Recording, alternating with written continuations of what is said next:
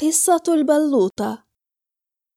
في فصل الخريف تزدان أشجار الغابة بأجمل الألوان قبيل ارتدائها ثوب الشتاء القاتم الكئيب. فتتلون أوراقها بالأصفر والأحمر والكستنائي والبنفسجي. إنه حقا مهرجان الألوان. وفي أعلى غصن من شجرة السنديان برزت بلوطة تقول: جميع هذه الأوراق تتزين، أما أنا فأقف هنا بأشواكي، لا زينة ولا ألوان. فردت عليها ورقة بارعة الجمال تتهاوى: مما تشكين؟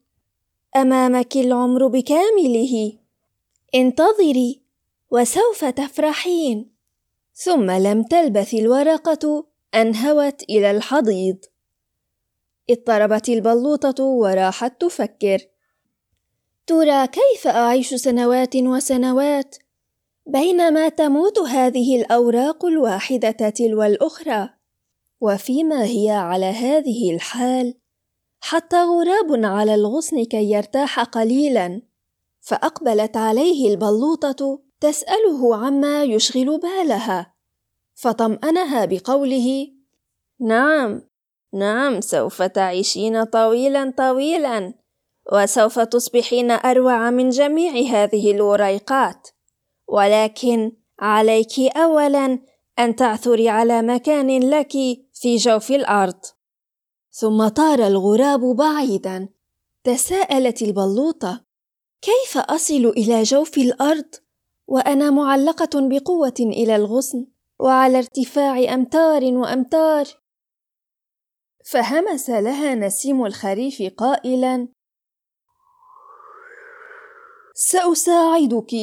يا ريح الشمال يا ريح الشمال تعالي. وسرعان ما جاءت ريح الشمال. وعصفت بالغصن فسقطت البلوطة. ووقعت على بساط الأوراق الذابلة قائلة: يا للهول، لقد صارت الأوراق رمادية اللون وتلوثت بالوحول، ولكن كيف السبيل إلى جوف الأرض؟ ثم إن غزالا مر بتلك الناحية، ولم يشاهد البلوطة فداسها بحافره. غاصت البلوطة في التراب تحت بساط الأوراق الرطب، ووجدت نفسها في الظلام فغرقت في نوم عميق.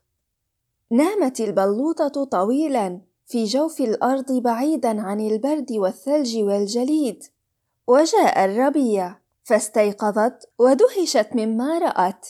لقد نبتت لها جذور راحت تغوص في الأرض أعمق فأعمق لترسخ فيها بقوة. وظهر لها رأس بدأ يتطاول ويتعالى. وهو يعتمر قبعة عريضة من الأوراق الخضراء ليحتمي بها من أشعة الشمس. وفيما كان أحد الأولاد يتجول في الغابة بحثا عن أزهار الربيع البرية قال لأمه أنظري أنظري يا أماه إنها شجرة صغيرة. فأجابته نعم ولكن المهم ألا تلمسها فسوف تكبر. وبعد بضع سنوات سوف تعطينا بلوطا لذيذا. نأكله في الشتاء مشويا على جمرات الموقد.